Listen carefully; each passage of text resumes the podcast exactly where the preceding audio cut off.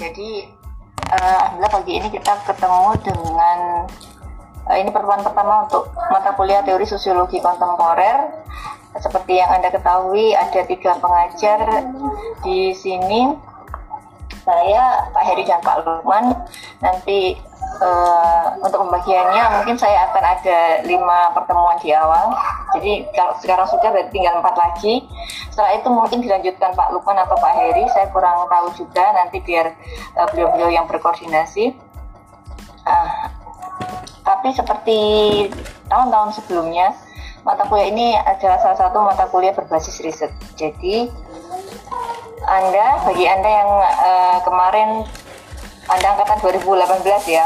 Ini ada juga sih angkatan 2005 lalu daftar pesertanya gitu. Ada angkatan 2015 bahkan 2016 dan 2017 mungkin kalau saya nggak salah.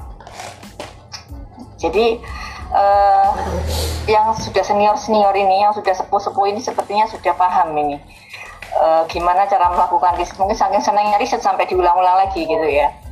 Uh, Oke, okay. tapi ini mungkin akan menjadi berbeda sedikit berbeda karena kita uh, dalam masa pandemik, tapi pandemik COVID-19 tidak akan menghalangi, menghalangi kita untuk melakukan riset. Ya, jadi nanti uh, karena mata kuliah berbasis riset, maka outputnya adalah uh, artikel. Nah, artikel yang saya masukkan di sini artikel hasil riset yang nantinya Anda submit ke jurnal. Jadi uh, silakan nanti Anda uh, anda boleh berkelompok. Jadi gini aturan mainnya Anda boleh berkelompok. Misalnya Bu kemarin sosiologi budaya eh, kami sudah menemukan isu yang asik atau dapat nilai dari Budin dan Pak Heri uh, lumayan bagus. Jadi uh, kami ingin melanjutkan riset itu. Silakan boleh. Anda boleh me, apa namanya lebih mendetail dan memperdalam riset itu. Hanya kemudian nanti akan akan ada sedikit yang berbeda dari perspektifnya karena kemudian karena kita menggunakan perspektif eh, teori-teori uh, yang sudah kontemporer. Nah, teori kontemporernya macam-macam. Dan saya pikir uh, teori sosiologi kontemporer ini cakupannya cukup luas.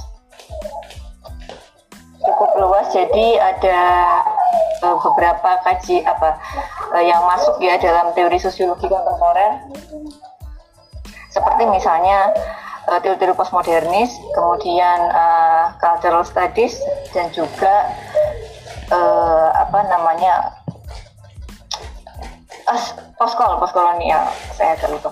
Oke jadi ada rentangnya mungkin sekitar teori-teori itu yang uh, yang masuk dalam kontemporer silakan. Dan saya pikir itu pun sudah cukup banyak gitu ya karena di postmodernis sendiri anda akan ketemu dengan beberapa teoritisi nggak mungkin semua ya dikenalkan di sini beberapa teoritisi uh, di cultural studies juga ada beberapa teoritisi Nah, kemudian di postkolonial sendiri juga ada beberapa teoritisi. Jadi, kalau semuanya nggak mungkin, apalagi kemudian uh, saya lebih menitik beratkan luaran ini adalah berupa uh, accepted di jurnal. Jadi, ingat uh, ini mungkin mungkin bagi yang senior senior ini ya. Kemarin kan hanya riset dan artikel, tapi hari ini yang ini nah, kami minta anda untuk uh, sampai bisa accepted atau publish. Kalau sayangnya mungkin uh, agak kurang memungkinkan ya karena proses penulisan itu sangat apa proses penulisannya itu akan sangat panjang.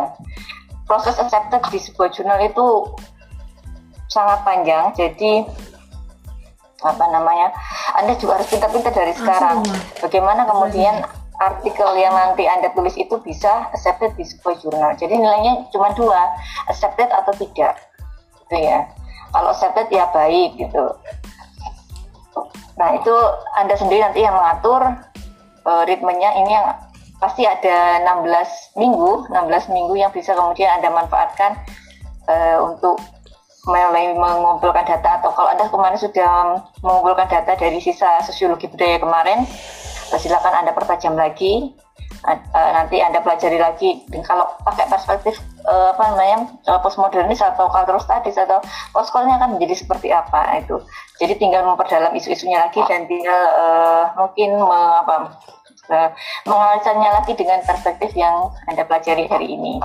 Itu boleh boleh. Anda boleh melanjutkan di sosiologi budaya kemarin isu-isunya untuk kemudian uh, dibingkai dalam teori-teori yang tadi saya sebutkan ya. Nanti teorisnya siapa? Nanti kita bahas uh, sekilas nah, tapi kira-kira bingkainya itu perspektifnya tiga itu silakan nanti oh bayangannya kira-kira gimana? Kalau sudah yang senior senior kayaknya udah apa uh, sudah fase ini kayaknya. Makanya mereka ngulang lagi itu ya suka. Nah, oke nah jadi uh, eh, 16 minggu menurut saya sekitar lima minggu pertama anda optimalkan untuk mengolek datanya me, kalau yang nggak masih nggak punya isu masih yang nggak punya isu harus anda kejar itu gimana caranya dalam lima minggu pertama ini anda harus sudah uh, bisa menghasilkan data yang uh, data yang bagus data yang valid data yang kaya dengan data yang uh, bervariasi. Anda mikir nih gimana caranya bisa mendapatkan data yang bagus di lima minggu uh, lima minggu pertama? Karena kemudian lima minggu selanjutnya Anda harus mulai membuat outline dan draft jadi misalnya uh, minggu ke-6, 6 Anda buat outline, 7, 8 Anda sudah ngedraft, nulis gitu kan, 9 sudah finalisasi, kalau bisa uh, submit ya, uh, 10 sudah submit persiap uh, 9 persiapan submit 10 submit. Nah tinggal nunggu 6 minggu berikutnya itu apa yang terjadi? Karena Biasa, jurnal ini nanti anda juga hmm. harus bijak juga dalam memilih jurnal gitu ya. Jadi gini biasanya strateginya adalah anda mulai sekarang mencari kira-kira jurnal yang uh, isunya atau skupnya itu uh, tidak jauh berbeda dari riset anda yang sudah anda lakukan mungkin yang kemarin isunya udah bagus tinggal cari jurnalnya. Anda kata ketik biasanya kita nyarinya di portalnya Dikti untuk jurnal ya. Anda bisa ketik misalnya sosiologi nanti itu ada muncul beberapa banyak. Kalau aktif budaya juga muncul. Jadi silakan di karena kalau portal Dikti itu kan dia terpercaya gitu. Jadi jurnalnya juga uh, dari yang biasa. Biasa itu maksudnya uh, apa? Uh, masih belum memiliki reputasi yang Oh ya, kalau di dikti itu kan ada Sinta ya, Sinta 4, Sinta 5, 6, 5, 6, 5, 4 itu termasuk yang sedang gitu. E, 32 itu sudah sangat bagus, satu super gitu kan. Jadi Anda boleh menjalan diri Anda, oke Bu, nyoba masukin di Sinta 5 ya gitu. Oke silakan gitu Anda. Cuman e, perlu Anda ketahui semakin tinggi reputasi jurnal, eh, proses-proses yang Anda lalui itu bisa menjadi sangat kompleks dan lama karena mereka akan sangat rigid sekali dalam uh, template dalam konten dan seperti itu kalau pengalaman saya kemarin yang terbit di Cinta Dua itu saya mengerjakan sekitar uh, satu setengah tahunan hampir satu setengah tahunan itu itu setelah saya submit loh ya gitu. terus untuk yang jurnal internasional bisa lebih lama lagi saya kemarin dua tahun bersama teman-teman baru terbit jadi kalau riset itu Anda harusnya sudah fase karena sudah semester 5. Jadi eh, kalau bisa mampat 5 minggu itu fix sudah datanya bagus, Anda proses tinggal 6 7 Anda nulis, outline-nya Anda bikin draft gitu kan. Jadi kalau bisa minggu ke-10 sudah submit, itu lebih bagus. 9 submit, 10 submit itu bagus. Jadi kemudian tidak menunggu bagaimana jurnal itu, apakah kemudian jurnal itu memberikan feedback. Tapi kalau Anda, oke okay, Bu, saya uh, kayaknya masih belum berani nih kalau jurnal reputable gitu. Saya jurnal yang biasa aja. Oke nggak apa uh, Dikti pun nggak uh, apa namanya bukan hanya cinta-cinta yang saya sebutkan tadi yang ada juga anda juga mungkin bisa mencari di apa namanya jurnal-jurnal yang lain. Yang pasti gini saya uh, kami tidak menuntut anda atau apa mengharuskan anda untuk pokoknya wajib jurnal Sinta itu enggak silakan. Tapi kalau anda mau dare to challenge yourself anda mau chance kayaknya bisa nih saya bisa. Kalau anda punya komitmen punya integritas anda punya belajar saya pikir pasti bisa gitu. Beberapa teman anda yang 2017 kemarin malah juga ada yang sudah apa uh, karena kemarin mereka presentasi dan dapat best paper biasanya juga saya pikir sudah saya nggak tahu ya prosesnya karena sudah lepas dari mata kuliah itu kontemporer nanti kalau nggak salah uh, mereka best paper dan mereka juga dimasukkan. Kalau nggak salah itu jurnal Sinta 3 saya nggak salah. Nah itu. Jadi uh, kalau anda nggak mem, apa uh, memicu batas se sebagus apa sih anda? Gitu. Kalau nggak dipaksa gitu kan anda nggak nggak bisa gitu. Anda selalu merasa diri tidak bisa atau malas. Penyakitnya kan cuma dua merasa nggak bisa atau malas banget. Nah itu. Itu yang saya pikir uh, perlu anda pertimbangkan. Kalau milih jurnal kalau strategisnya biar cepat milih jurnal yang kemudian isunya sudah misalnya isu kemarin udah anda dapat tinggal anda sedang pilih jurnal ikuti skemanya ikuti cara penulisannya ikuti template-nya ikuti gaya uh, apa namanya iskupnya yang diminta. Nah, seperti itu anda sesuaikan saya pikir itu akan lebih cepat kerjanya. Ya, sambil terus anda proses nih. Oh kalau eh, datanya kurang nih coba balik lagi. Kayaknya analisisnya kurang nih atau analisisnya perlu.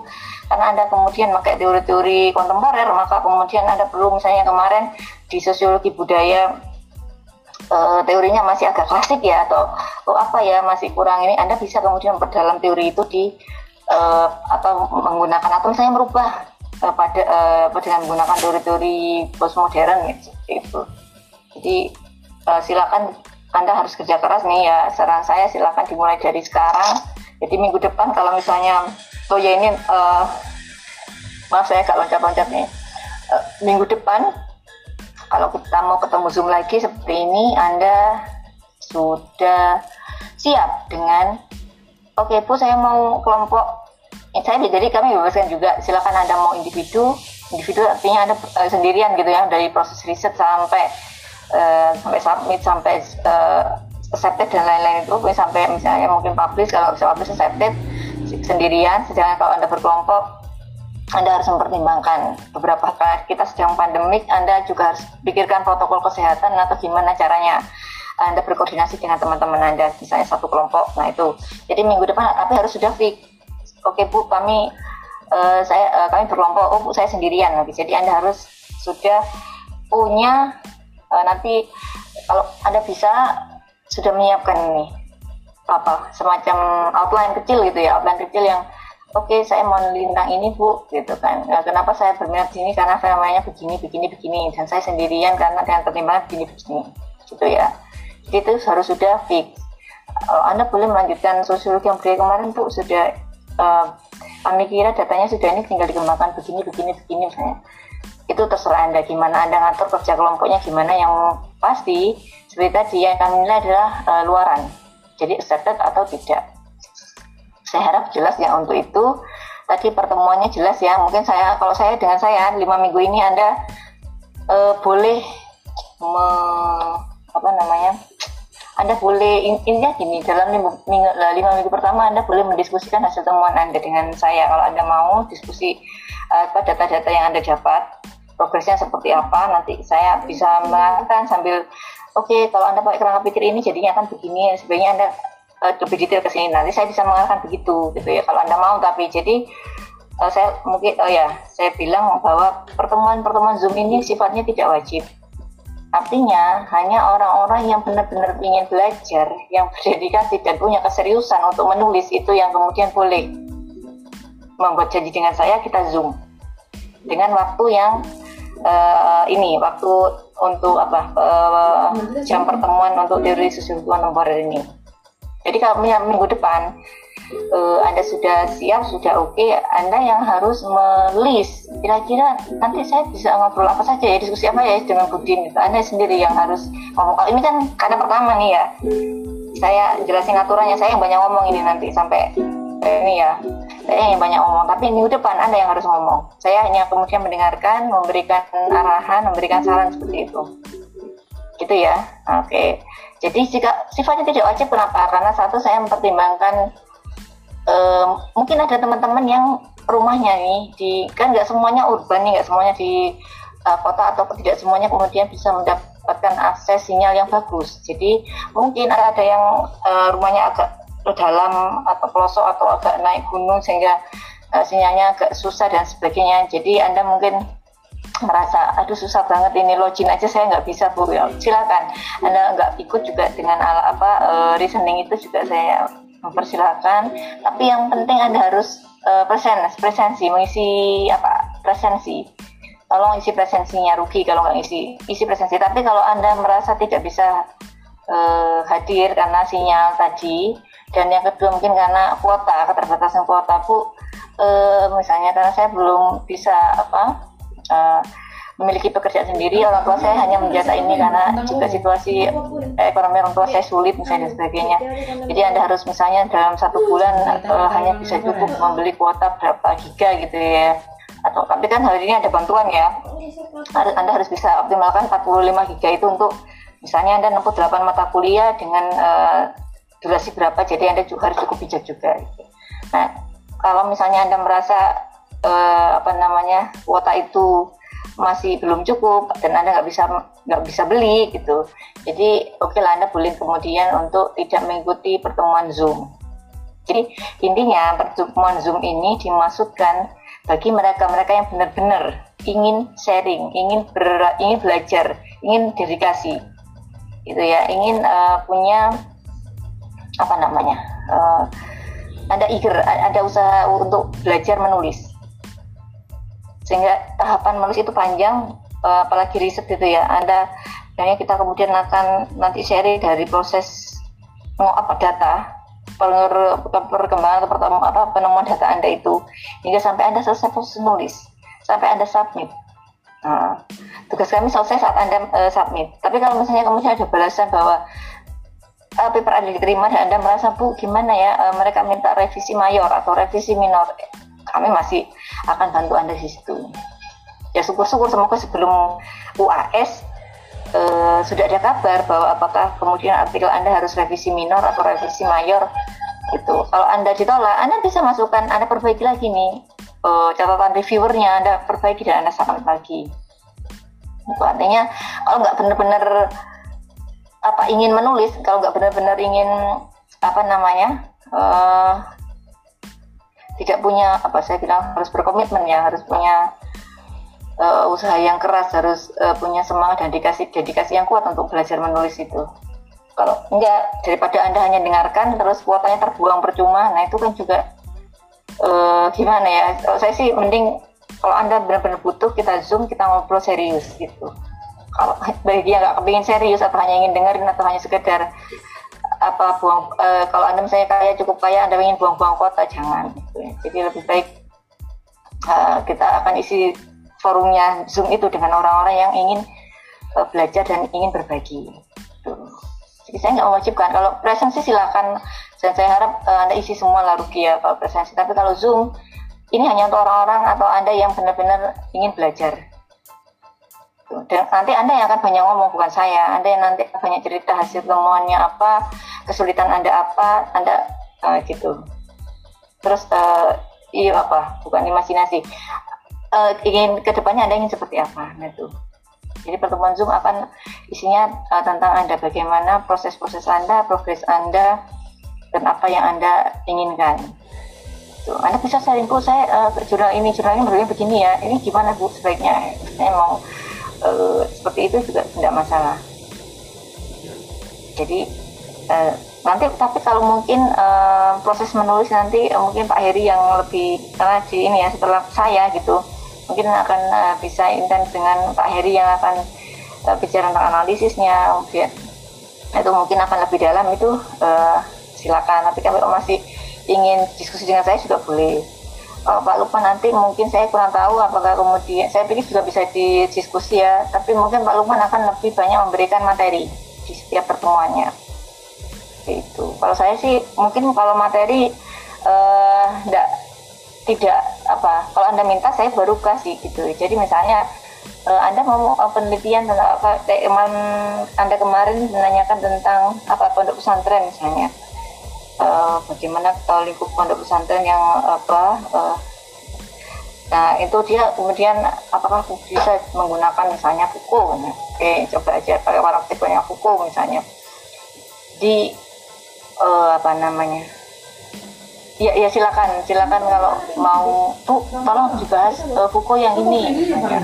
bu tolong dibahas uh, Derrida yang ini yang ini karena riset saya ini sepertinya bicarakan tentang ini, ini. saya pikir uh, kalau memang menggunakan perspektifnya Lyotard misalnya atau siapalah atau Jilu atau siapa itu akan atau Jameson itu akan cocok. Silakan anda boleh kalau dengan saya anda boleh request materinya. Atau anda sendiri ingin bukanya ada jurnal bagusnya tentang ini bisa nggak kita bahas? Jadi materi nggak cuma dari saya tapi dari anda.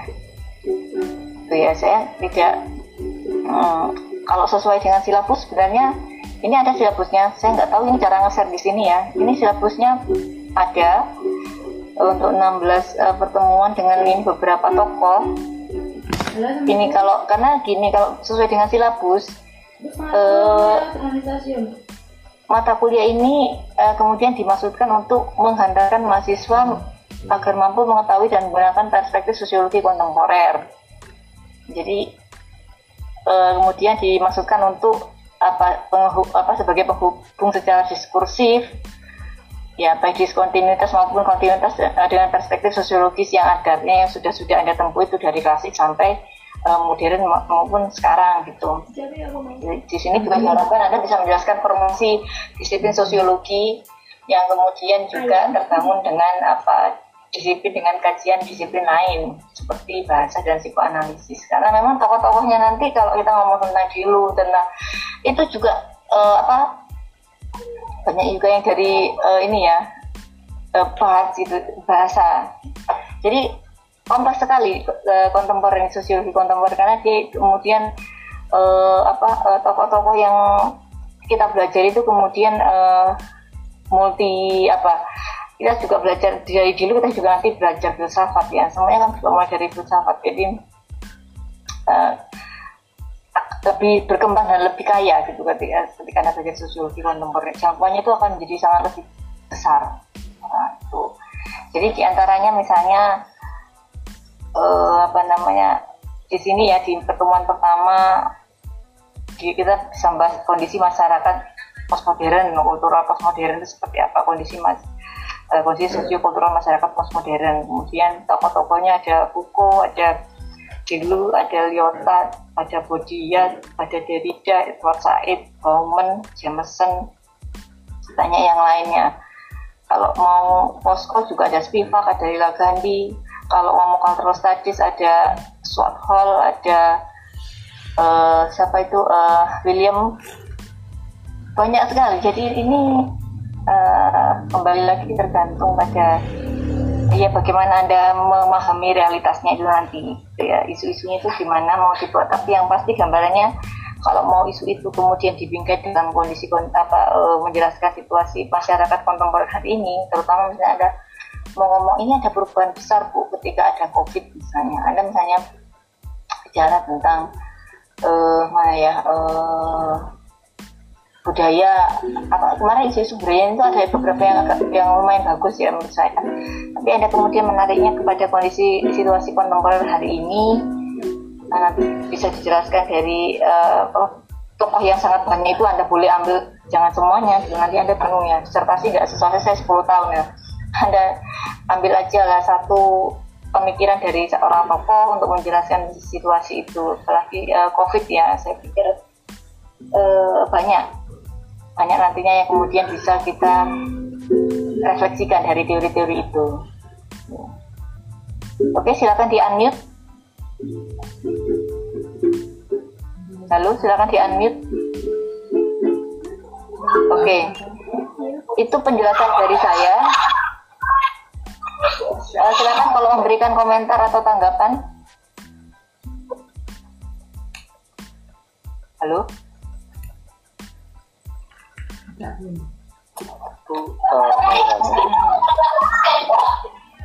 Uh, uh, artinya tadi serikat kita itu uh, untuk uh, apa namanya temanya itu dibebaskan apa aja.